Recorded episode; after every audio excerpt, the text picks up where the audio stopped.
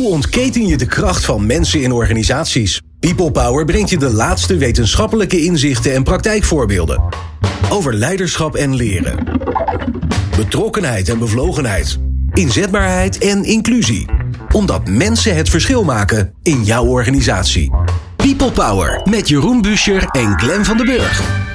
Ja, uh, tweede uur van onze hybride werken marathon vraagbaak. Jeetje, dat is een mond vol, want de kantoren gaan open. We kunnen elkaar weer ontmoeten, eindelijk.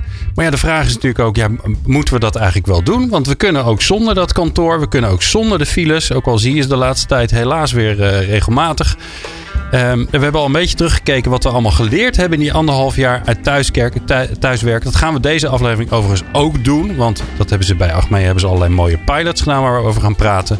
Uh, we gaan praten over de nieuwe rol van het kantoor. En we gaan kijken of we jouw vragen kunnen beantwoorden. Tenminste, als je live meeluistert via LinkedIn. Want dan kan je je vragen stellen. En dan kunnen wij kijken of we je die vragen kunnen beantwoorden. Nou, dat allemaal in dit uur van People Power. Uh, te gast zijn uh, Shiraz Kasmi van de Rijksoverheid, Lisanne Spiekerman van Achmea, uh, Rosan Gompers van ANWB en Rutger uh, Bartjoek, maar die zit online. Ja, dat kan namelijk tegenwoordig. van KPN.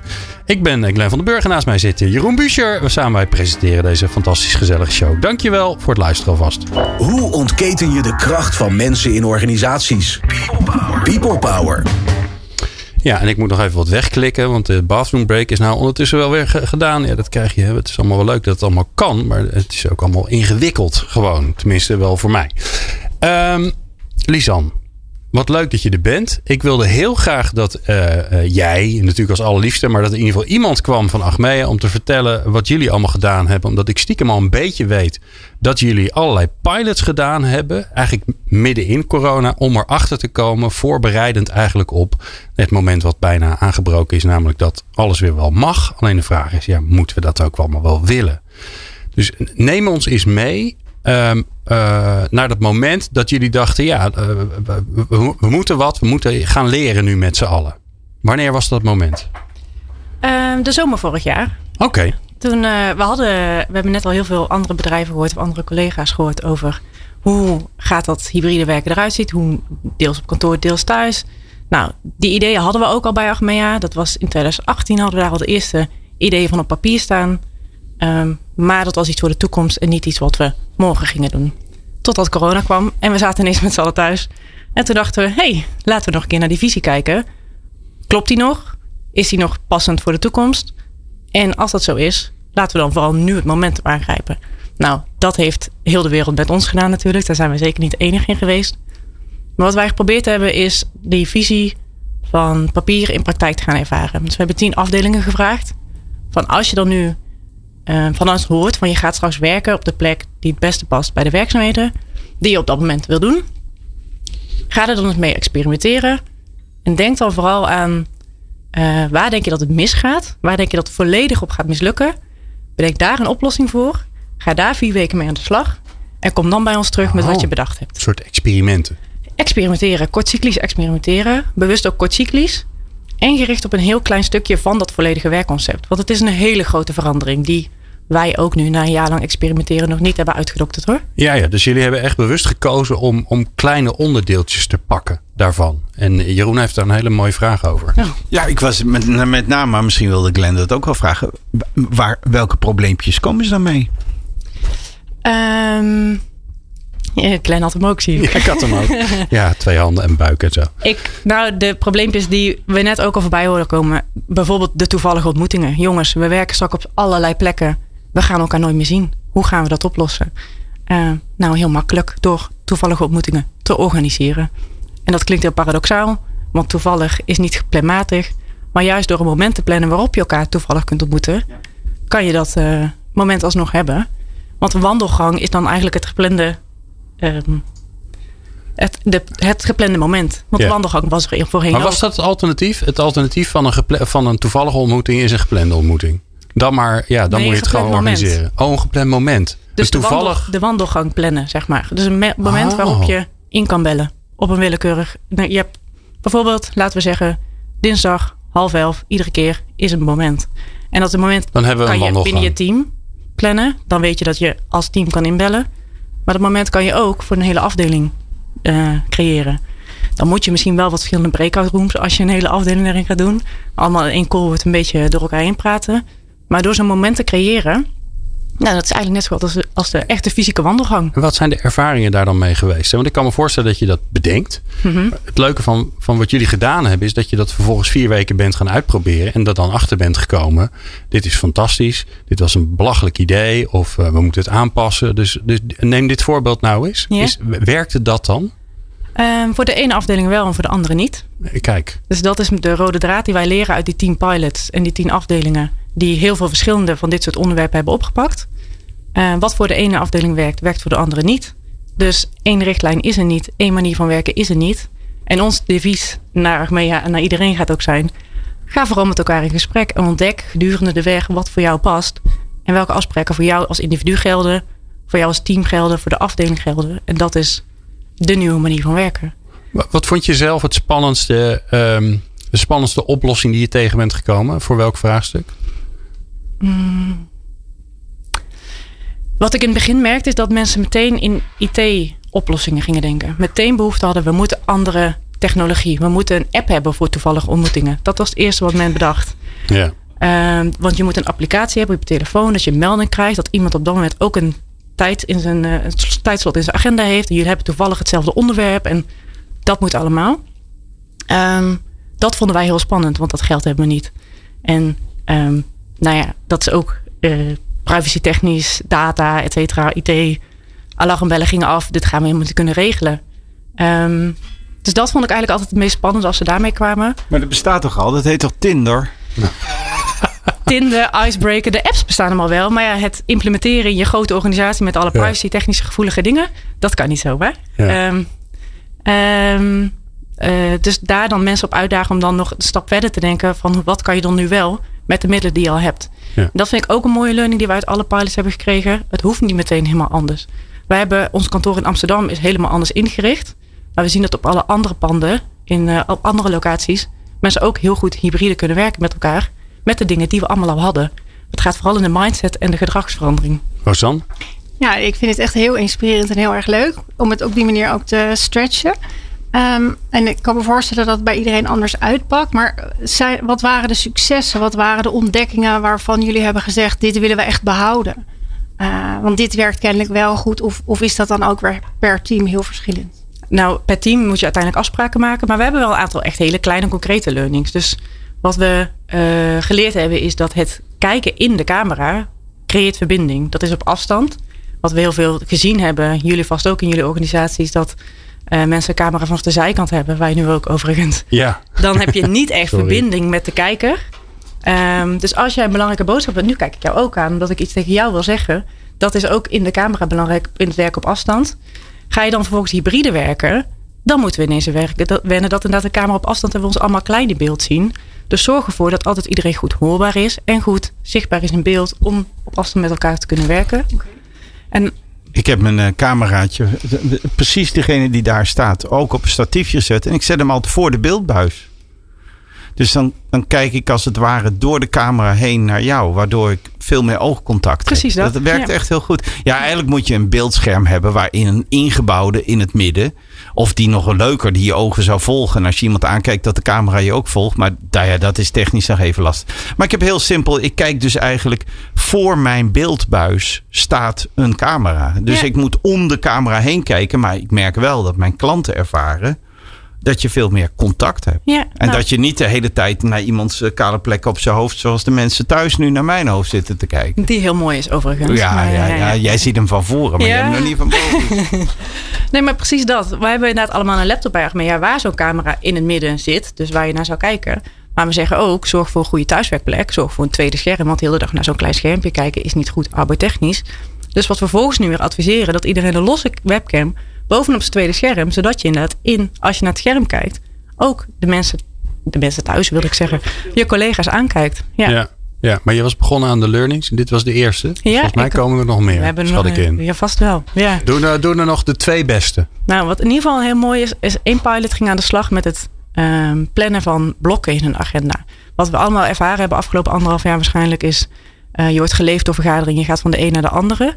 En door eigen regie in je agenda te nemen en het bewust blokken, blokken van blokken, of ja, plannen van blokken. Blokken van blokken. Ja, nou. Je moet gewoon blokken blokken. Ja, precies. Dat is de learning. Uh, daardoor uh, creëer je veel meer momenten waarop je ook andere dingen kan doen. Je wordt niet meer van A tot Z geleefd door vergaderingen. Je hebt tijd voor focus. Je hebt tijd om dingen uit te werken. Maar ook om even dat ommetje te maken. Om even te wandelen. Om even weg te gaan van je beeldscherm. Want jongens, ga alsjeblieft af en toe weg van je beeldscherm. Um, maar door dat te blokken. één pilotteam zei, wij vergaderen vanaf nu alleen maar tussen 10 en 3. Met hun team. Maar dat is een team in een organisatie. En de afdeling daaromheen deed dat niet. Dus hoe ga je daarmee om? Ik vond dat een super gave pilot. En wat we merkten is dat communicatie is key. Ze hebben tegen iedereen gezegd: als je met ons wil vergaderen, kan dat tussen 10 en 3. En het lost zich dan gewoon vanzelf op. Mensen weten dat, houden er rekening mee. Het is nieuw gedrag dat je met elkaar af afspraken die je moet waarmaken en het nieuw gedrag dat je moet aanleren. Mooi, ja. Dat soort dingen zou ik zeker doen. Ja. En nou nog een de derde. Nu moet je natuurlijk uh, een van je darlings gaan, gaan uh, killen. Want ja, die ga je niet vertellen. Ja. ja. ja. Um, of je zegt nou twee is genoeg en voor de rest bellen ze me maar. Nou wat wel heel belangrijk is. Want we werken straks allemaal um, op allerlei plekken. Is inzicht hebben wie wanneer waar werkt.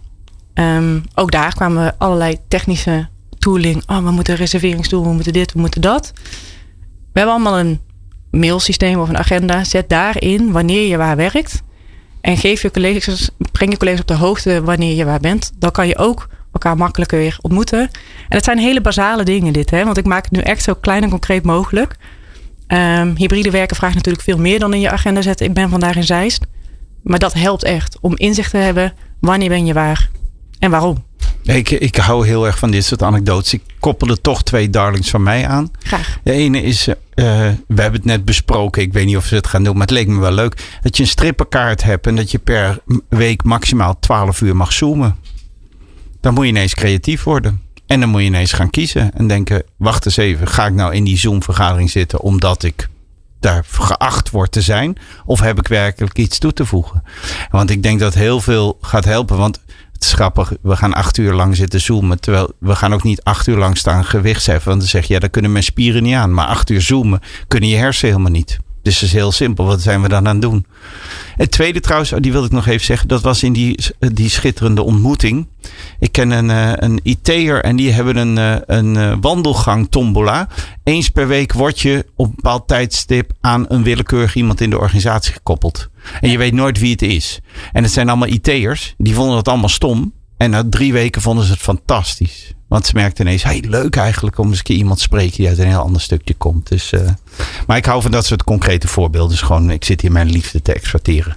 We gaan terug naar Glenn van den Burg. U kent hem wel van zijn schitterende boek Hoe werkt de mens? En uh, de hoofdpresentator uh, van dit programma. God, ik wist niet dat wij hiërarchie hadden, Jeroen. Um, uh, want ik ga, uh, of eigenlijk jullie allemaal even, ik ga er toch ook wel even een paar vragen in gooien. Omdat ik vooral natuurlijk onze, onze kijkers via LinkedIn Live enorm wil stimuleren om lekker die vragen te blijven stellen. Um, uh, Eén wel grappige, daar ben ik wel benieuwd naar hoe jullie dat gaan regelen. Is iemand die zegt: Ja, ik maak me daar een beetje druk op de veiligheid op de werkvloer. Want ja, als we niet meer precies weten wie wanneer er is, hoe zorg je dan dat er wel genoeg BHV'ers zijn? Zo, nou dan ben ik toch heel benieuwd of jullie daar al na over nagedacht hebben. Rosanne? Zit dat in het, uh, in het nieuwe, de, nieuwe pandplan van de, ANWB, van de ANWB? De, de, de, vraag is zeker geadresseerd. Uh, dus, maar dan gaan we gewoon zelf met het team van BHV'ers gaan we daar de oplossing voor. Uh, ik heb het Hij is er nog niet. Ja, Lisanne over nagedacht al? Ik heb hem ook gehad. En vooral ook de vraag hoe organiseren we BHV thuis? Want oh. uh, heb je als werkgever nog een verantwoordelijkheid voor de medewerker die thuis, als iemand thuis er iets overkomt? Ik vind het een hele goede vraag. Ik heb het antwoord ook niet. Ja. Voor BHV op kantoor blijft Die, had ik, die zag ik even niet aankomen. Ja, Oké, okay, dus stel je voor dat ik thuis zit en er is brand en ik ben aan het werk. Is de werkgever dan verantwoordelijk ja. om mij uh, te melden dat, dat er. Vragen krijgen wij ook over, over werk in, uh, in het buitenland bijvoorbeeld. Oké. Okay. dus, ja. dus kan dat, mag dat? Wat is dan de rol en verantwoordelijkheid van de werkgever? In principe proberen we daar heel vrij en ruim naar te kijken. Maar er is ook nog een stukje wetgeving waar je naar moet kijken. Ja. Wat is je rol als. als uh, dus dat zijn we ook nog aan het uitzoeken. En daar ja, ja. hoort deze misschien wel bij. Shiraz, heb jij er een, uh, een briljant antwoord op? Herkenbaar. Nou, dezelfde legitieme vragen komen voorbij, ook bij ons bij de Rijksoverheid. Uh, antwoord op inderdaad in het buitenland werken. eh, interessant eh, naar de toekomst toe kijken. Ik denk dat het heel veel kansen gaat bieden. Uh, je toegang tot, tot, talent wordt in ieder geval groter. En dat is een hele mooie voor de organisatie zelf. Maar ik ja, ik denk waarom niet. Hè? Denk een oplossing, denk in kansen. Maar met name goed het gesprek erover voeren en het goed faciliteren. Ook in het kader van de veiligheid van de werkplek. En uh, ja, de BHV'ers, uh, een legitieme punt. Zorgen dat ook als de kantoren rustig zijn, dat op elke verdieping iemand is die in, in noodgevallen toch kan acteren. Ja. ja, en laten we ook waken voor hoogmoed. Want we, we maken organisaties platter en er zit meer verantwoordelijkheid op de, op de werkvloer. En je kan niet van je organisatie verwachten dat ze onze lieve Heer zelf zijn. Dus we zullen ook gewoon zelf moeten nadenken dat, dat het moet toch niet zo worden dat mijn werkgever bij mij thuis, die heb ik trouwens niet, maar mijn werkgever bij mij thuis uh, een brandmelder moet gaan ophangen. Dat, dat, dat is ook een stuk waar, waarvan je zelf voorzienend moet zijn. En laten wel zijn als jij de vrijheid krijgt om te werken waar en wanneer je wil, gedeeltelijk. Ja, dan, dan vraagt dat ook een beetje verantwoordelijkheid daarvoor nemen. Want anders komen we in een Amerikaanse cultuur. Ik ben tegen de, tegen de boom gereden omdat ik stom dronken was. Maar je had niet op de fles gezet dat ik uh, niet tegen bomen mocht rijden. Dus, uh. Ja, daar komt natuurlijk wel een ding bij. Hè? Dat, we hebben ooit afspraken gemaakt over hoe we samenwerken. En dat staat in, staat in de wet. Maar we hebben ook afspraken gemaakt specifiek hoe we met elkaar werken. Dat staat in de CAO. Nou, de ANWB zal ongetwijfeld de CAO hebben. Achmea heeft er zeker in de Rijksoverheid. Ik weet niet of dat zo werkt met een CAO. Want je bent natuurlijk ambtenaar. Er gelden weer andere regels. Moeten die allemaal aangepast worden? Hebben we daar eh, de komende jaren vraagstukken bij? Lisanne, die zit gelijk nee te schudden. Ja, voor ons niet. Maar dat scheelt omdat wij sinds de jaren negentig al deels vanuit huis werkten. Dus eigenlijk verandert bij ons het zwaartepunt van hoe vaak je thuis werkt. Okay. Of um, ja, de, de, het aantal dagen, maar het, de mogelijkheid om thuis te werken of op verschillende werkplekken te werken. Maar er, staan, maar er staan geen dingen in waar je last van gaat krijgen. Dat, eh, waar eh, mensen aanspraken op kunnen doen. Dat je zegt, nou ja, ja dat, dat was van drie jaar geleden. Toen was de wereld heel anders. Voor zover ik weet niet. Maar ik okay. uh, durf mijn vingers er nu ook niet de ANWB heeft natuurlijk, hè, die wordt al geroemd hier uh, op LinkedIn Live. Uh, dat jullie een hogere reiskostenvergoeding geven als je te voet naar de of te fiets ja. misschien waarschijnlijk ook wel naar het werk gaat. Is dat natuurlijk fantastisch. Maar zijn er de, ja, ja, dan krijg je inderdaad de vraag of mensen, mensen de verzolen van hun schoenen of ze dat dan mogen declareren. Ja, ja. Nou, dat is wel een stuk beleid wat natuurlijk ook uh, wel met vakbonden en dergelijke is besproken. Dus uh, ja, en daar ja. is ook positief op gereageerd. Ja. Dus daar, daar, daar is dit beleid uitgekomen. Dus. Maar moeten er nog dingen anders? In, in die, in die CAO moeten. Ik, ik heb daar verder op dit moment geen zicht op. Maar ik denk ook niet in de flexibiliteit van het werken. Uh, Nee. En ik merk ook aan de vragen die wij krijgen van de OR, die wij ook heel nauw betrekken, dat de bereidheid er ook gewoon is om dit met elkaar te ontwikkelen. Dus iedereen is wel, in ieder geval bij ANWB, zich best bewust van dat dit, dat dit heel veel kansen kan bieden. Ja. Uh, je moet ook dingen goed regelen. Um, maar dat is denk ik niet het eerste waar wij vanuit vertrekken. Wij uh, hebben hem al een paar keer gehoord. Shiraz, welkom uh, Rijksoverheid. Um, ja, ik vond, mezelf, ik vond mij vorige week ineens terug in een, uh, in een inspiratieweek waar ik de opening mocht verzorgen van de Rijksoverheid. De Rijksoverheid kiest vol overgave voor, wil koploper zijn op het gebied van hybride werken. Misschien een open deur, maar waarom? Nou, zo hebben we dat niet per se uitgesproken, maar we zien wel dat er een mooie ontwikkeling gaande is. We zijn allemaal heel uh, enthousiast als het gaat om dat vormgeven van dat nieuwe werken um, en de kans die dat biedt.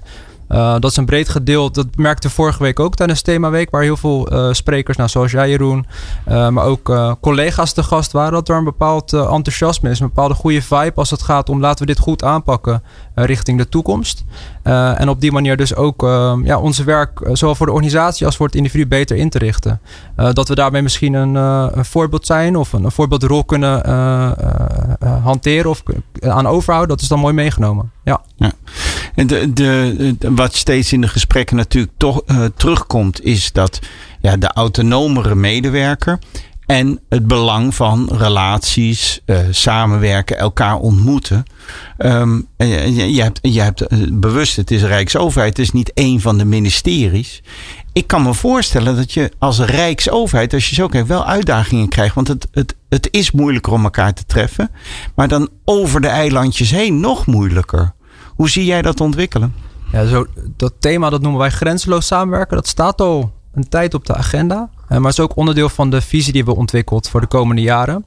Dus het hybride werken is echt voor ons ook een middel om dat grenzeloos samenwerken mogelijk te gaan maken. En dat gaat niet alleen over de ministeries met elkaar. Uh, het gaat ook tussen afdelingen. Het gaat ook tussen de, uh, de overheid en het bedrijfsleven. Het is anti-eilanditis. Precies, dus dat, die ontwikkelingen om dat mogelijk te maken op alle vlakken. Dus ook technologisch, maar ook qua mindset. Uh, dus over de grenzen heen te kijken en samen aan opgaven te gaan werken. Dat is een ontwikkeling die we nu ook met dat hybride werken steeds beter kunnen gaan uh, faciliteren. Ja, uh, jullie hadden een inspiratieweek georganiseerd waar heel veel mensen aan meegaan. Duizenden mensen zag ik aan het eind van de week. Wat viel jij daar met name in op? Ik noemde het net al even die positieve vibe. Uh, wat we toch merken tijdens de coronacrisis is dat er toch veel angsten zijn. Dat er veel spanning uh, op, op het onderwerp zit, op het, op het werken. Hoe willen we werken? Veel onzekerheid, veel onduidelijkheid. En waar, je, waar we deze week eigenlijk op hebben gefocust is wat kun jij doen als individu uh, om um, bij te dragen aan die verandering. Want dat is het uiteindelijk. Het is een fun fundamentele verandering. Het werd net al genoemd. Een hele grootschalige verandering op alle vlakken. Uh, wat kun jij als medewerker of als individu of als leidinggevende doen om aan die verandering bij te dragen. Om te zorgen dat straks het positief uitpakt voor jou. Weet je? Dus dat jij straks een betere werkbeleving hebt. Nou, werk-privé-balans is natuurlijk nu een aantal keer genoemd. Maar ook dat je inderdaad als organisatie effectiever kunt zijn. En uiteindelijk willen we als overheid die maatschappelijke taak goed vervullen. Nou, de omgeving, zoals we weten, verandert continu, wordt steeds dynamisch. Er komen steeds meer uitdagingen op ons af. Om ook in de toekomst uh, uh, die taak kunnen blijven vervullen, is het belangrijk dat je ook effectief bent als organisatie. En onderdeel van dat hybride werken is uh, die, die professional die steeds meer verantwoordelijkheid neemt, in contact met anderen het werk doet.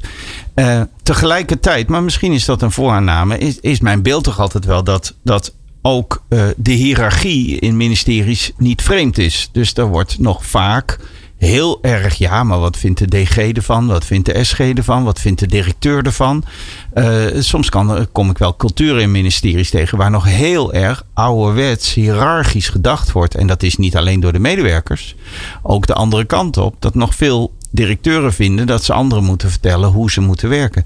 Hoe hoe breng je zo'n cultuur? Want als dat blijft, dan, dan kan je nog zo je vrijgemaakte professionals hebben. Maar dat gaat elkaar afremmen. Of dat gaat botsen. Of dat gaat irriteren. Hoe, hoe, hoe, zie je dat ontwikkelen binnen die Rijksoverheid?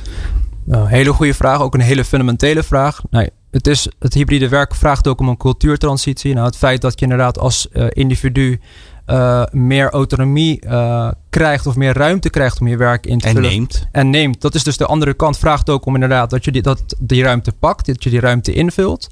Uh, dus uiteindelijk moet daar een bepaalde nieuwe balans gaan opstaan op alle vlakken en op alle niveaus. Is die bereidheid er? Ik, ik zie het wel. Ik heb een aantal topbestuurders ook van de week aan tafel gehad. Die daarover in gesprek gaan. En ik zie daarin inderdaad die openheid en die ruimte. En ook uh, het feit dat het wordt gezien en het bestempeld wordt als een kans. Om daadwerkelijk die cultuur, cultuurtransitie te bewerkstelligen, in te gaan. Het is spannend, het is moeilijk. Maar door met elkaar ook in gesprek te gaan, in gesprek te blijven, kunnen we met z'n allen die ja, nieuwe rolverdeling of dat herontwerp van de manier van werken gaan, uh, gaan realiseren. En dat zal ook niet van een op de andere dag uh, uh, gaan. ik denk dat we daar de tijd voor moeten nemen. Dat we daar ook heel bewust over na moeten denken met z'n allen. En moeten gaan herkennen van wat werkt er nu wel en wat werkt er nu niet. Dat je ook niet in het, want dat vind ik altijd andere uit, dat je in een soort management besje komt. Zo van ja, de managers houden het allemaal tegen. Maar we moeten eigenlijk ook met z'n allen elkaar opvoeden. En dat betekent ook dat je als, als professionals helpt om ook die leidinggevende te zeggen van kom maar hier met je hand, laat maar een beetje los. Je kan me vertrouwen, ik doe het wel. En dat, dat is iets wat je ook niet kan zeggen. Ja, de, we hadden het dus straks over voorbeeldgedrag, maar volgens mij werkt dat twee kanten op. Ja, klopt. Nou, we hebben het over ruimte geven en ruimte nemen. Vorige week kwam het ook voorbij. We hebben in die week zoveel inspiratie inderdaad voorbij zien komen. Maar ook inzichten. Als het gaat om inderdaad leidinggeven. Wat vraagt dit van de leidinggever? Er wordt heel veel in de media afgelopen maanden uh, gewezen naar de leidinggevende. De leidinggevende moet veranderen. De leidinggevende moet dit doen. faciliteren. Ja. Uh, waar we vorige week, in de, als we het over die themaweek hebben, op in zijn gegaan of bij stil hebben gestaan. Oké, okay, dat weten we nu, dat de leidinggevende iets moet. Maar dat betekent niet dat de medewerker dan uh, achterover kan gaan leunen en naar boven kan gaan kijken. Het gaat er juist om dat je daar ook je aandeel in neemt. En we zagen een heel mooi model voorbij komen van Brechtje Spijkerman, die tra uh, teams traint, waar inderdaad de rol van de leidinggevende veel meer aan de zijkant komt te staan. En die moet eigenlijk de verbinding faciliteren. En heel veel kan gewoon op de werkvloer zelf opgelost worden. En niet altijd de leidinggevende betrekken. En zo wordt die plek van de leidinggevende in bepaalde contexten ook weer ja, ook anders. Ik weet ook dat eh, bij ministeries. Uh, hoorde ik ook een verhaal van ja, maar wat me lastig is, je maakt je carrière als jouw manager jou goed kent. Want die gaan er blijkbaar nog steeds over dat je alsof hoger beter is. Maar goed, er zijn nog steeds mensen die dat belangrijk vinden. Die hiërarchische ambitie hebben in plaats van een inhoudelijke. En zichtbaarheid is hier een belangrijk spel. Zie jij dat ook? Ook voorbij gekomen vorige week. Uh, de switch van fysieke zichtbaarheid naar mentale zichtbaarheid. Of fysieke aanwezigheid naar mentale aanwezigheid. En leg dat eens uit. Ja, Wat is ben, je, dat? ben je in staat om als individu uh, betrokken te zijn met je werk? Uh, in het verleden zagen we dat mensen soms vijf dagen naar kantoor kwamen. Misschien werkten ze 40 uur of 36 uur. Maar wie, wie zegt dat ze daadwerkelijk 36 uur productief waren? Ik denk dat het veel belangrijker is om te gaan kijken van... kun jij van die 36 uur zoveel mogelijk uren mentaal betrokken zijn bij de organisatie. Waardoor je, waardoor je, je, je succes in de resultaten zit die je boekt en niet in je aanwezigheid of de relatie. Exact. En dat vraagt dus inderdaad om een, uh, om een fitte medewerker, maar ook om uh, een nieuwe skills als het gaat om bijvoorbeeld communicatie of uh, digitalisering. Dit vind ik wel een interessant onderwerp, hè? Want, um, oh, dit vrouw? Ja, ja eindelijk. Nare man. Um, dat fysiek aanwezig zijn, elkaar zien, relatie opbouwen, een beetje vriendjes worden. Daarvan weten we natuurlijk dat dat, dat, dat een grote rol speelt in um, uh, uh, iemand zijn carrière, iemand iets gunnen, het project. Hè, dat, dat toffe project hoeft niet altijd gelijk te zijn dat je een nieuwe baan krijgt. Maar ook gewoon, ja, wie, wie kies je voor dat, voor dat toffe project? Of uh, wie mag er die andere, dat andere leuke werk doen? Of um, het verschil tussen zit jij veel thuis en ben je dus minder fysiek aanwezig? Of ben je veel op, dat, op die plek waar je dan met elkaar werkt, wat we vroeger kantoor noemden? Dat, daar zit natuurlijk wel verschil in. Dus hoe gaan we dat oplossen? Dat wilde ik even aan jullie vragen. Daar ben ik namelijk wel benieuwd naar. Rosanne? En dan, ik, ik wil nog even doorvragen. Dan bedoel je in het licht van mentale aanwezigheid? Nou ja, het is gewoon, volgens mij is het gewoon zo dat dat als je, als je een betere relatie met elkaar hebt. en die bouw je toch ook op als je gewoon bij elkaar in de buurt bent, toevallig. Uh, dan, uh, uh, dan heb je gewoon betere kansen om door te groeien in de organisatie. Dus je kunt wel zeggen van nou eigenlijk is het misschien voor mijn werk beter om meer thuis te werken. Dan kan ik me beter concentreren. kan ik me beter af, afzonderen van de buitenwereld. He, want dan word ik niet afgeleid. Maar om, om vooruit te komen in mijn carrière moet ik eigenlijk toch wel een beetje mezelf fysiek laten zien. Ja ja, voldoende samenwerken en ontmoeten en verbondenheid is denk ik dus de basis. Hè? Uh, iets wat, wat, wat Jeroen ook uh, in een van de uh, mini-colleges in onze summer course heeft gezegd is... Ja, weet je, dus de relatie is de snelweg in, in samenwerking. Dus je moet die relatie heel goed onderhouden. Betekent dat dat je voor al het werk bij elkaar moet zitten? Nee. Hè, dus dan kijk je weer naar het type werk... Uh, op het moment dat ik iets moet uitwerken, ja, dan doe ik dat liever gewoon rustig ergens uh, alleen. Nee, maar dit, dit snap ik. Ja. Ik, ik, ik snap de, de ratio. Alleen we zijn geen ratio, ra rationele wezens. He, dus als ik het gevoel heb als mens van ja, maar ik moet toch in de buurt zijn, want anders dan raak ik uit beeld en dan dus niet goed voor mijn carrièrekansen. Dan, dan kan ik zo vaak nog verteld worden: nee, maar weet je, we doen dat anders en het is voor mm -hmm. het samenwerken beter, dit en dat. Alleen iedereen blijft maar gewoon lekker naar dat kantoor komen. En zo hebben we de files nog nooit opgelost. Zo hebben we ze nog steeds niet opgelost. Nee, dus, dus dan moet je dat, dat wel met elkaar bespreekbaar houden. Okay. Dus nadat je één keer die teamafspraken, werkafspraken daarover hebt gemaakt. Sowieso denk ik dat je ook gewoon je behoefte. Hè, van hé, hey, we hebben dit wel afgesproken. Maar ik heb nu de behoefte aan toch meer ontmoeting. Ja, die ruimte moet je natuurlijk ook creëren. Maar het, het is natuurlijk allemaal niet statisch. Dus uh, ja, dan als je, als, als je merkt dat je dan vervolgens om die redenen toch weer allemaal naar het kantoor gaat. Dan heb je volgens mij een gesprek met elkaar. Tenminste, dat zou ik dan ja. opmerken en gaan regelen. Ja. Ja, en ik denk ook wel dat eh, organisaties er belang bij hebben dat goede mensen op de goede plekken komen.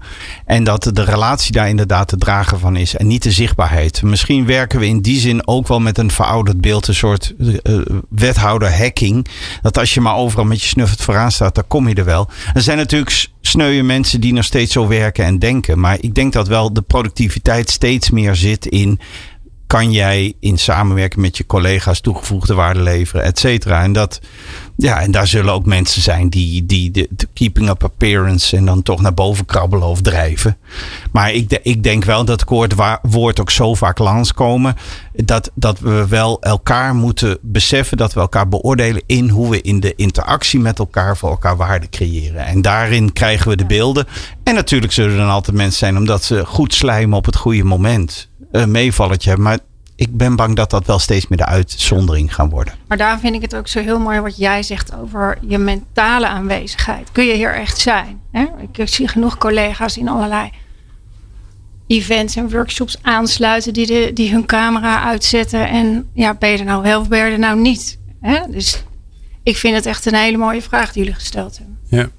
Sheraz, de Rijksoverheid wordt nu genoemd alsof dat een werkgever is.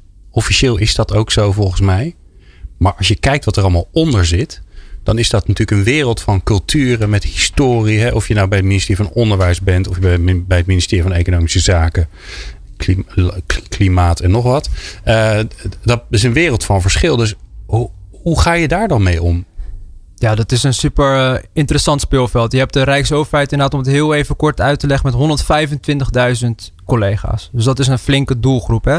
Uh, tegelijkertijd zijn dat inderdaad tientallen organisaties uh, die allemaal een eigen cultuur hebben, een eigen plek vaak ook, een eigen kantoor vroeger, waar, waar, waar de mensen naartoe kwamen. Um, en, en, en, inderdaad rekening houden met al die verschillende verschillen. Uh, al die verschillen is, is, is niet te doen. Um, en daarom is het ook inderdaad aansluitend op uh, wat, wat Lisanne zegt, belangrijk dat binnen die context van die verschillende teams en afdelingen het gesprek wordt gevoerd om op zoek te gaan naar een nieuw balans. Dus het is niet dat we top-down proberen iets af te dwingen. We proberen alles wat centraal, en ik zit dan in het Rijksprogramma, wat dan inderdaad die rijksbrede blik heeft, centraal eigenlijk te faciliteren wat mogelijk is. Op het kader van, uh, in het kader van beleid, in het kader van faciliteiten, maar ook die gedragsverandering. Om zo eigenlijk met z'n allen daar de vruchten van te plukken. En tegelijkertijd wordt continu het gesprek gevoerd van wat beleg je op welk niveau. Is het... En waar, want het is zo interessant. Hè? En ik weet dat Achmea dat ook doet. Hè? De, de mens centraal en het team centraal en met elkaar en praten. Maar je moet, toch eens, je, je, moet toch een soort iets gezamenlijks hebben. Iets waar je in gelooft of waar je op terug kan vallen. Dat, dat, je ook kunt zeggen van ja, oké, ik snap dat jij nu A zegt. Maar ja, dit is waar wij met z'n allen in geloven. Dit is onze waarde of dit is... Uh... De burger natuurlijk. De burger. Hamburger? Niet. Ja, ik noemde hem net al inderdaad, die maatschappelijke opgave. Uiteindelijk, en dat voel ik wel. Ik zit er nu een paar jaar bij de Rijksoverheid. Ik heb hiervoor ook bij Amerikaanse bedrijven gewerkt en in, in, de commerciële uh, sector. Um, je merkt heel erg dat dat wel in ieder geval de gedeelde waarde is die overheerst. Hè. Maatschappelijke impact uh, maken, een bijdrage bieden uh, voor de maatschappij. Dat is wel waar, wat uiteindelijk uh, ons allemaal bindt. Nee, dat, dat, dat, snap ik. Dat is hartstikke mooi en dat geeft richting. Maar dat kun je op 100 miljoen verschillende manieren doen. Hè? En dan kun je zeggen, nou weet je, wij maar je kunt zeggen, wij geloven in het hiërarchisch model.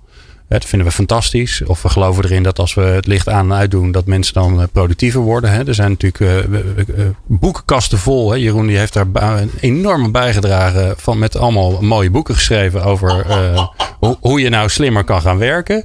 Uh, we weten het nog steeds niet overigens, dus dat is wel leuk. Want we, gaan, we moeten er met elkaar over in gesprek. Maar zijn er nou dingen waarvan je zegt van ja, maar dat is waar we in geloven. We geloven in de autonomie, autonomie van mensen. Of we geloven in dat we, uh, dat we vooral via, via deze, dit model moeten gaan werken. Is er, is er zoiets?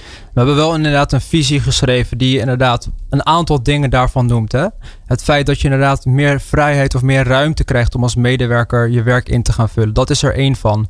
Uh, omdat je inderdaad gelooft in die professionaliteit. kwam vorige week ook al een aantal keer voorbij. Het professionaliteit van die medewerker. Uiteindelijk uh, werken de mensen voor je en weten zelf prima eh, wat ze nodig hebben. Uh, als je ze maar die ruimte geeft of die zelfreflectie. Ja, maar dit is wel mooi, want dit is dus waar jullie in geloven. Ja, absoluut. want, je, want, je, kunt er ook in geloven dat het niet zo is. Ik, ik heb, ik, bij mij is dat natuurlijk niet zo. Maar je kunt er ook in geloven dat je zegt: nee, mensen hebben juist heel veel begeleiding nodig nodig. En dit is wel het helemaal niet uitgangspunt. alleen. Nee, dat is het uitgangspunt. Dus vandaar dat je inderdaad die ruimte ook geeft. En dat je inderdaad tegelijkertijd ook beseft dat er verantwoordelijkheid voor nodig is. Dus heel duidelijk, Oké. heel duidelijk bent in, in, in wat je dan verwacht. Ja, wa- Hebben jullie zo'n soort uitgangspunt? Je zegt van nou, hier geloven wij in, dat is de basis. Ja, autonomie en eigen regie van medewerkers is echt heel erg belangrijk. En dat merk je dat dat in het hele werkgeverschap is doorgevoerd. Dat ehm, nou, het- het niet meer beoordelen, al dat soort eh, zaken, is gewoon vertrouwen op de professionaliteit en, de, en het kunnen van een medewerker. En die heeft het niet nodig om bij de hand te nemen. En dat is zeker ook in deze beweging. Waarbij we wel zeggen, heel duidelijk, daarop aanvullend. eh, volledig thuiswerken is niet waar wij voor staan. Ehm, het kantoor is een belangrijke ontmoetingsplek voor die binding. We gaan niet zeggen je moet één keer in de week naar kantoor. We geloven niet in die regels. Maar wel die twee punten. Het is echt een combinatie van beide. En het is niet volledig kantoor of volledig thuis. We gaan eh, hybride naar eh, onze laatste toegevoegde gast. Want onze gasten die u net heeft gezien en gehoord, die zijn nog steeds volledig aanwezig. Eh, de hybride werkende Rutger Bartschuk van KPN. Rutger, eh, eh, do you copy me clear and loudly? Meer dan. Heel goed, heel goed. Ja, ik zie je met lichte vertraging, dus ik zie al, ik moet niet naar het beeld kijken, maar naar je stem luisteren. Ehm, ehm, eh, KPN is natuurlijk, eh, ja, die, die, die zit wel heel dichtbij, want die, die, eh, die maken al die verbinding tussen mensen. En eh, ik, hoor, ik hoor altijd, goed voorbeeld doet volgen. Dus ik ga ervan uit dat voor jullie de uitdaging van hybride werken piece of cake was. Of viel dat tegen? Eh, nou, voor wat betreft de techniek eh, hebben we daar absoluut een voorsprong. Maar, maar kijkend naar de, de uitdagingen zoals die nou ja, door, de, door de vijf sprekers van vandaag zijn gedeeld, herkennen we die natuurlijk. Ja. Ja, wat ik interessant vind, ik weet dat jullie, jullie een heel programma hebben ontwikkeld. En dat jullie heel erg in dat leiderschap geloven. En dat jullie daar die dialoog ook willen faciliteren. Eh, Ja. wat, hoe zie jij de rol binnen KPN van de leidinggevende veranderen? En dan liefst een beetje concreet van naar. Eh, nou, van, van eigenlijk eh, de centrale spil in een team naar inderdaad iemand die daar veel meer richting geeft aan de zijlijn. Zorgt voor de verbinding, zorgt voor eh, kennis en inspiratie. Ehm, en je vanuit die rol gezamenlijk voor de resultaten gaat. Ehm, en kijkend naar nu, want ik heb hem al voorbij horen komen, gaat het echt wel over eh, de kwaliteit van afspraken, het bieden van ruimte, het bieden van vertrouwen. En op die manier met elkaar ontdekken in de komende tijd. Dus vanuit een lerende en experimenterende aanpak. Wat werkt? Wat werkt voor het team? Wat werkt voor de individuen binnen het team? En hoe kun je dan samen eh, op die manier daarin succesvol zijn? En, en eh, we hadden het toen straks ook over traditie. Eh, Ik bedoel, we, we werken niet bij een organisatie, maar we werken bij een reorganisatie. We zijn voortdurend eh, onszelf als organisatie opnieuw aan het uitvinden. Nou, Ja. me dunkt dat de afgelopen 25 jaar KPN zichzelf voortdurend heeft moeten leren uitvinden. Ehm, wat, in hoeverre merken jullie dat, dat de sporen van het verleden remmend werken? Dat de tradities of het zelfbeeld wat sommige mensen hebben van hun rol als professional of als manager. In hoeverre sleuren jullie dat lange verleden wat jullie representeren achter je aan? Nou, weet ik niet of we dat per se achter ons aanslepen. Uh, we hebben veel geleerd van de periode die achter ons ligt. Dus ik denk dat het ons op een heel aantal punten sterk op voorsprong helpt. Um, en dit is niet zozeer een verandering waar we dadelijk met elkaar mee klaar zijn. Hè? Want ik hoorde Glenn ook daar straks zeggen, dadelijk polderen we weer lekker. En dan doen we er vier jaar over en dan zijn we pas klaar. Ik denk dat het belangrijk is om het signaal af te geven dat de teruggang naar kantoor en in eerste aanzet kijken naar hoe dit werkt met elkaar. Het begin is van een verandering die zal blijven bestaan. Uh, dus het werkmodel dat er in ons geval na een jaar uitkomt. We gaan een jaar lang leren en experimenteren. Dat moet leiden tot een optimaal werkmodel. Maar dat zal een werkmodel zijn dat altijd in beweging blijft. Dus ik denk dat wij um, veranderprofessionals zijn door de afgelopen 25 jaar. En dat we daar de komende tijd sterk gebruik van kunnen maken. Nou, dus dat is, de, dat is de belangrijkste wat je gewonnen hebt. Dat je juist, omdat je elke keer hebt moeten aanpassen, dat, dat dit in je, in je genen is gaan horen. Uh, ja, ja. Mooi. Hey, en um, hoe, wat, wat, je, je zit corporate HR. Wat kan je doen om managers in zo'n proces te ondersteunen? Nou ja, dat, dat, dat uh, gaat eigenlijk net zoals uh, Joukje mooi beschrijft in een multidisciplinair team. Dus HR speelt een rol binnen, binnen de club die hier zich mee bezighoudt. Um, het heet daar het hybride projectteam. En bij ons heet het het Zo werken wij team. Daar zit IT in. We zitten dicht tegen de medezeggenschap in. Maar ook onze leiders zelf zijn volop betrokken. en samen kijken we naar op welke manier gaan we dit succesvol doen. En of dat nou betekent dat we een club frontrunners hebben. Dat is bijvoorbeeld een aantal uh, leiders die heeft gezegd: ik wil eigenlijk voorop lopen hier. Ik wil kennis delen in de organisatie. Daar waar het goed gaat, breng ik van A naar B. En daar waar het mislukt, help ik anderen aan het inzicht, zodat die daar niet in dezelfde valkuil stappen. Dat is een onderdeel. Maar we faciliteren bijvoorbeeld ook met workshops die leiders met een team kunnen doen, waar vanuit je gezamenlijk bepaalt op welke manier gaan we dit doen, welk type werk vraagt nu waarom we op welk moment en waar bij elkaar komen, zodat je in ieder geval daar uh, um, een eerste beweging met elkaar kunt maken. En, betekent dat je in je, in je HR-beleid um, dat het profiel waarop je zoekt voor management, is, is dat nou veranderd of verandert er uiteindelijk in hybride werken niet zoveel? Nou ja, kijk, uiteindelijk uh, zaten we met z'n allen toch al in een digitale transformatie. Die heeft impact gehad op een leiderschapprofiel. Uh, en ik denk dat de nu hybride vorm van werken, dat dat een, een, een element is van de digitale transformatie die door COVID wat naar voren is gehaald. Het is alleen een stroomversnelling, geen vernieuwing.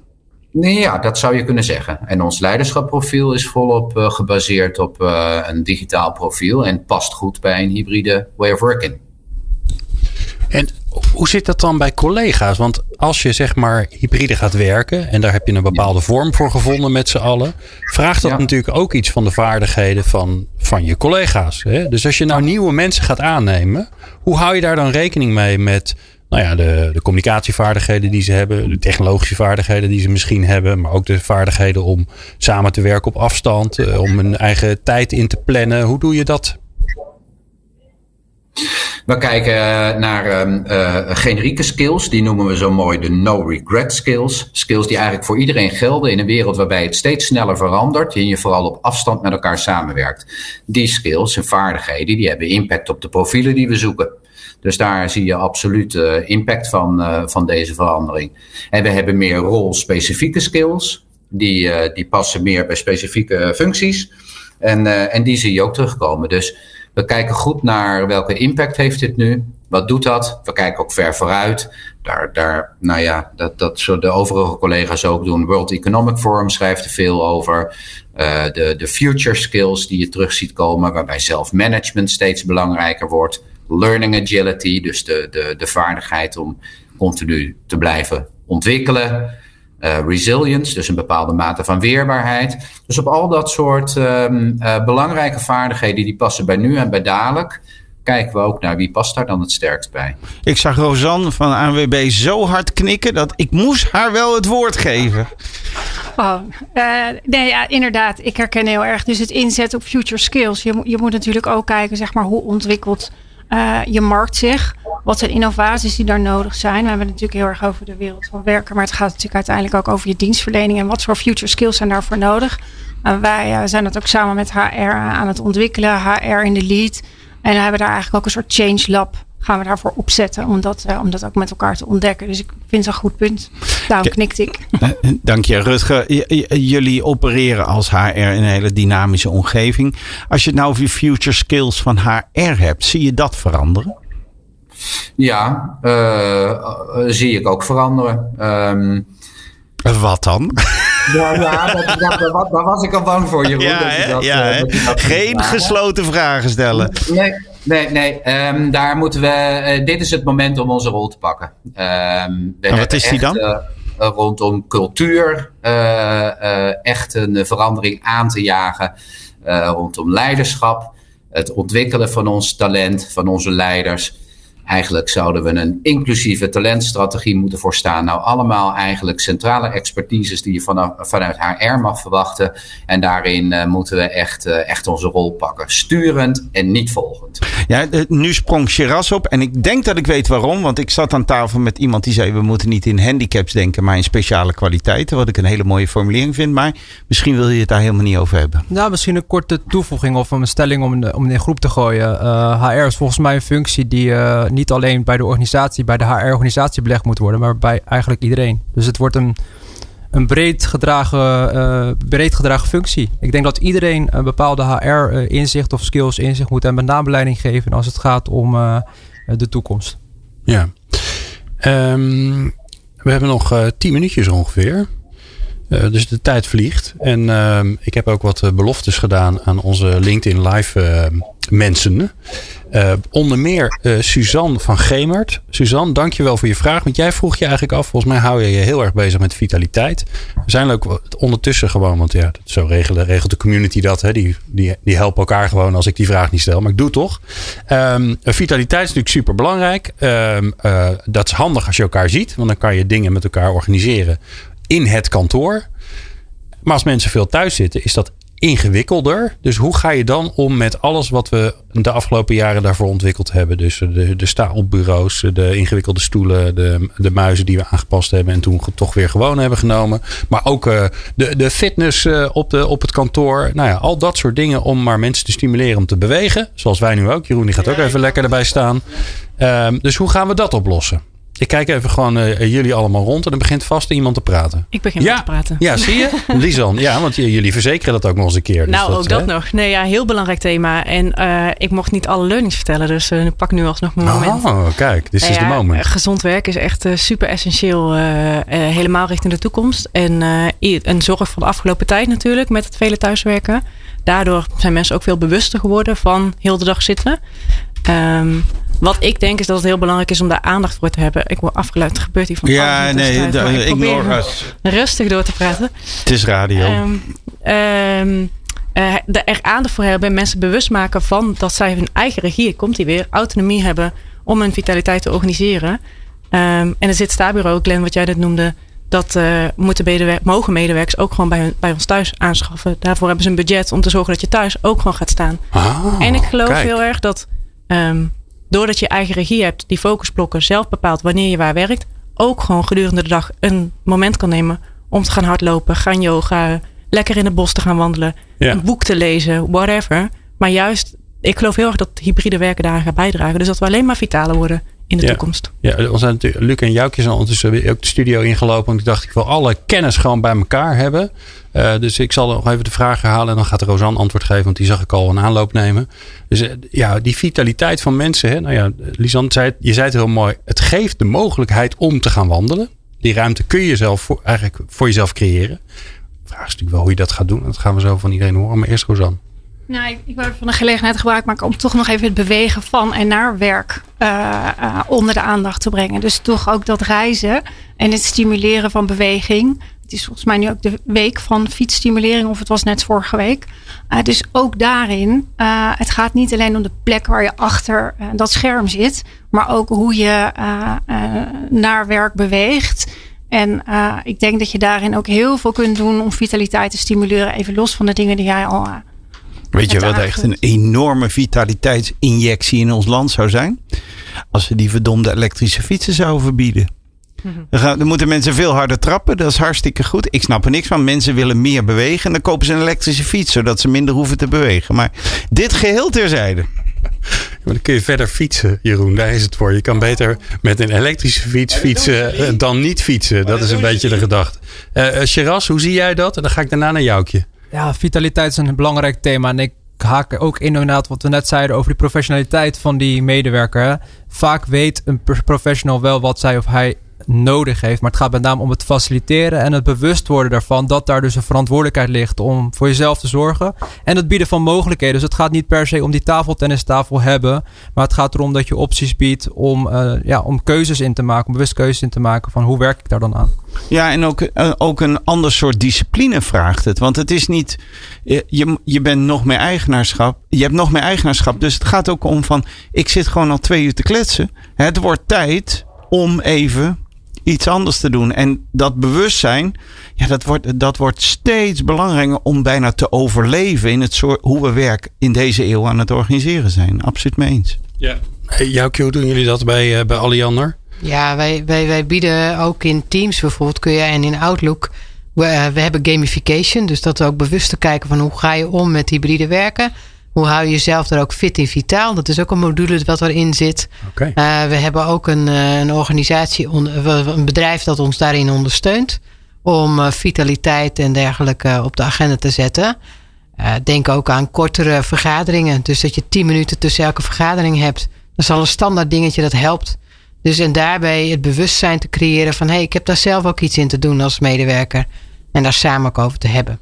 Ik, ik, heb, ik heb, nog een soort slotvraag. Want ik, ik hoor jullie allemaal eens, eensluidend en, en hetzelfde zeggen. Ja, wij geloven in de, in de kracht van de mens. Dat is fijn. Want we zijn bij People Power. Dus ik ben een blij mens. Het gevaar is een beetje dat wij nu allemaal in violen uh, uh, inderdaad uh, het gebouw gaan verlaten. En straks nog een lekker een glaasje water drinken. En onze benen gaan strekken. En iedereen achterlaten met het idee, ja dat zal allemaal wel. Maar als we alles overlaten aan mensen, dan laten we ze ook een beetje in de steek. Want we moeten ook een beetje zorgen voor mensen. Dat is een beetje, ik, ik voel zelf nu, dat, terwijl ik hier ernstig in geloof, dat ik ook denk, ja, maar um, we kunnen niet iedereen maar die verantwoordelijkheid geven en zeggen, zoek het lekker uit.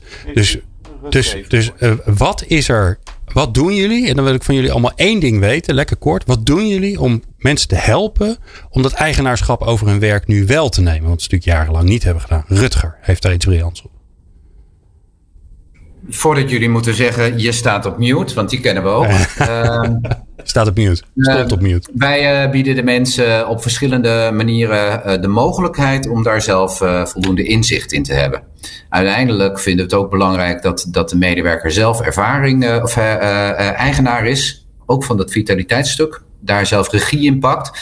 Maar we voelen wel de verantwoordelijkheid om daar voldoende uh, inzicht in te verschaffen. Oké, okay, mooi. Uh, ja, hoe? Goede vraag, Johan. Hoe doe je dat, Rut? Nou, dat doen we op verschillende manieren. We zijn ook nog aan het onderzoeken op uh, welke manieren we dat aanvullend nog kunnen. Want ook daar hebben we soms privacy uh, uh, hobbels te nemen.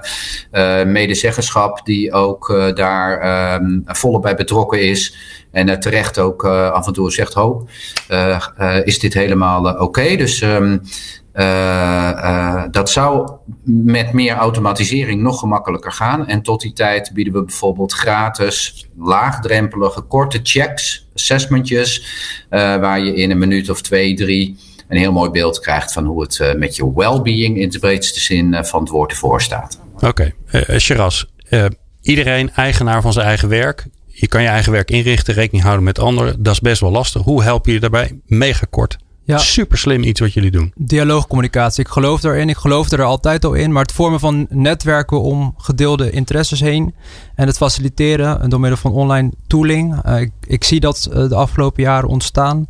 Uh, en wij maken er goed gebruik van. En op die manier laat je dus ook zien dat de medewerker ook een stem heeft. En ook ideeën heeft. En, en dat we van elkaar kunnen leren. Het komt veel voorbij. Ik denk dat kennis uiteindelijk het, het delen van kennis, het creëren van nieuwe kennis uh, de sleutel is om dit model ook uh, goed te kunnen omarmen. Mooi. Lisan, hoe help je mensen om een eigenaar te worden van hun werk? Uh, los van de dialoog um, gaan wij komende tijd vooral de best practices die we hebben geleerd uit de pilots delen. Want daarin zie je gewoon heel veel concrete tips die ik niet allemaal mag vertellen. maar die gaan wij wel in onze organisatie delen ter inspiratie. En ik denk dat dat heel erg helpt. Hè. Het, het goede voorbeeld geven, leiders ook het goede voorbeeld laten geven. En wat betreft uh, vitaliteit, want daar hadden we natuurlijk net ook nog over, um, is het, het aanbieden van uh, hulp daarin. Dus um, vooral op de mentale weerbaarheid, want dat is iets wat uh, denk ik helemaal in het nemen van eigen regie heel spannend gaat zijn. je kan heel makkelijk geleefd worden in dit nieuwe werkconcept. Dus het bieden van psychologische ondersteuning, maar ook hè, hoe ga je om met stress, um, hoe we afgelopen tijd natuurlijk heel erg met alle kinderen thuis, et cetera, daar workshops voor. Maar allerlei van dat soort dingen. Daar hebben we echt een heel pakket aan om medewerkers te ondersteunen. Maar dan begint het wel alsnog bij de medewerker die die stap moet gaan zetten. Ja, uiteindelijk of moet je de het zelf leidinggevende die het duwtje geeft. En dat is ook heel belangrijk. Mooi. Rosanne? Wordt steeds lastiger, hè? Want er steeds nou meer ja, verteld. even los van inzicht bieden, denk ik, en tools aanreiken. Ik denk bij de ANWB en dan aan mijn route. eh, denk ik ook toch het nog een beetje weer stretchen. Dus ook het woord werkgeluk durven te laten vallen. En met elkaar bespreekbaar maken dat je ook verantwoordelijk bent voor je eigen werkgeluk. En ja, dat, dat wil ik eigenlijk ook koppelen aan het hybride werken. We zitten gewoon in een nieuw tijdperk waarin eh, ja, de- ja, zeg maar werkgeverschap, werknemerschap, eigenaarschap, zeg maar. Dus ja, dat, dat ik, weet, ik zou het toch wel willen stretchen. Ja. Nou ja, ja, en ook mensen daarin blijven uitdagen. Mooi. Joukje, dan moet je even naar de microfoon lopen. Maar dan praat ik ondertussen de tijd natuurlijk eh, heel soepel voor als presentator. Wat doen jullie om, om je collega's te helpen om dat eigenaarschap te nemen?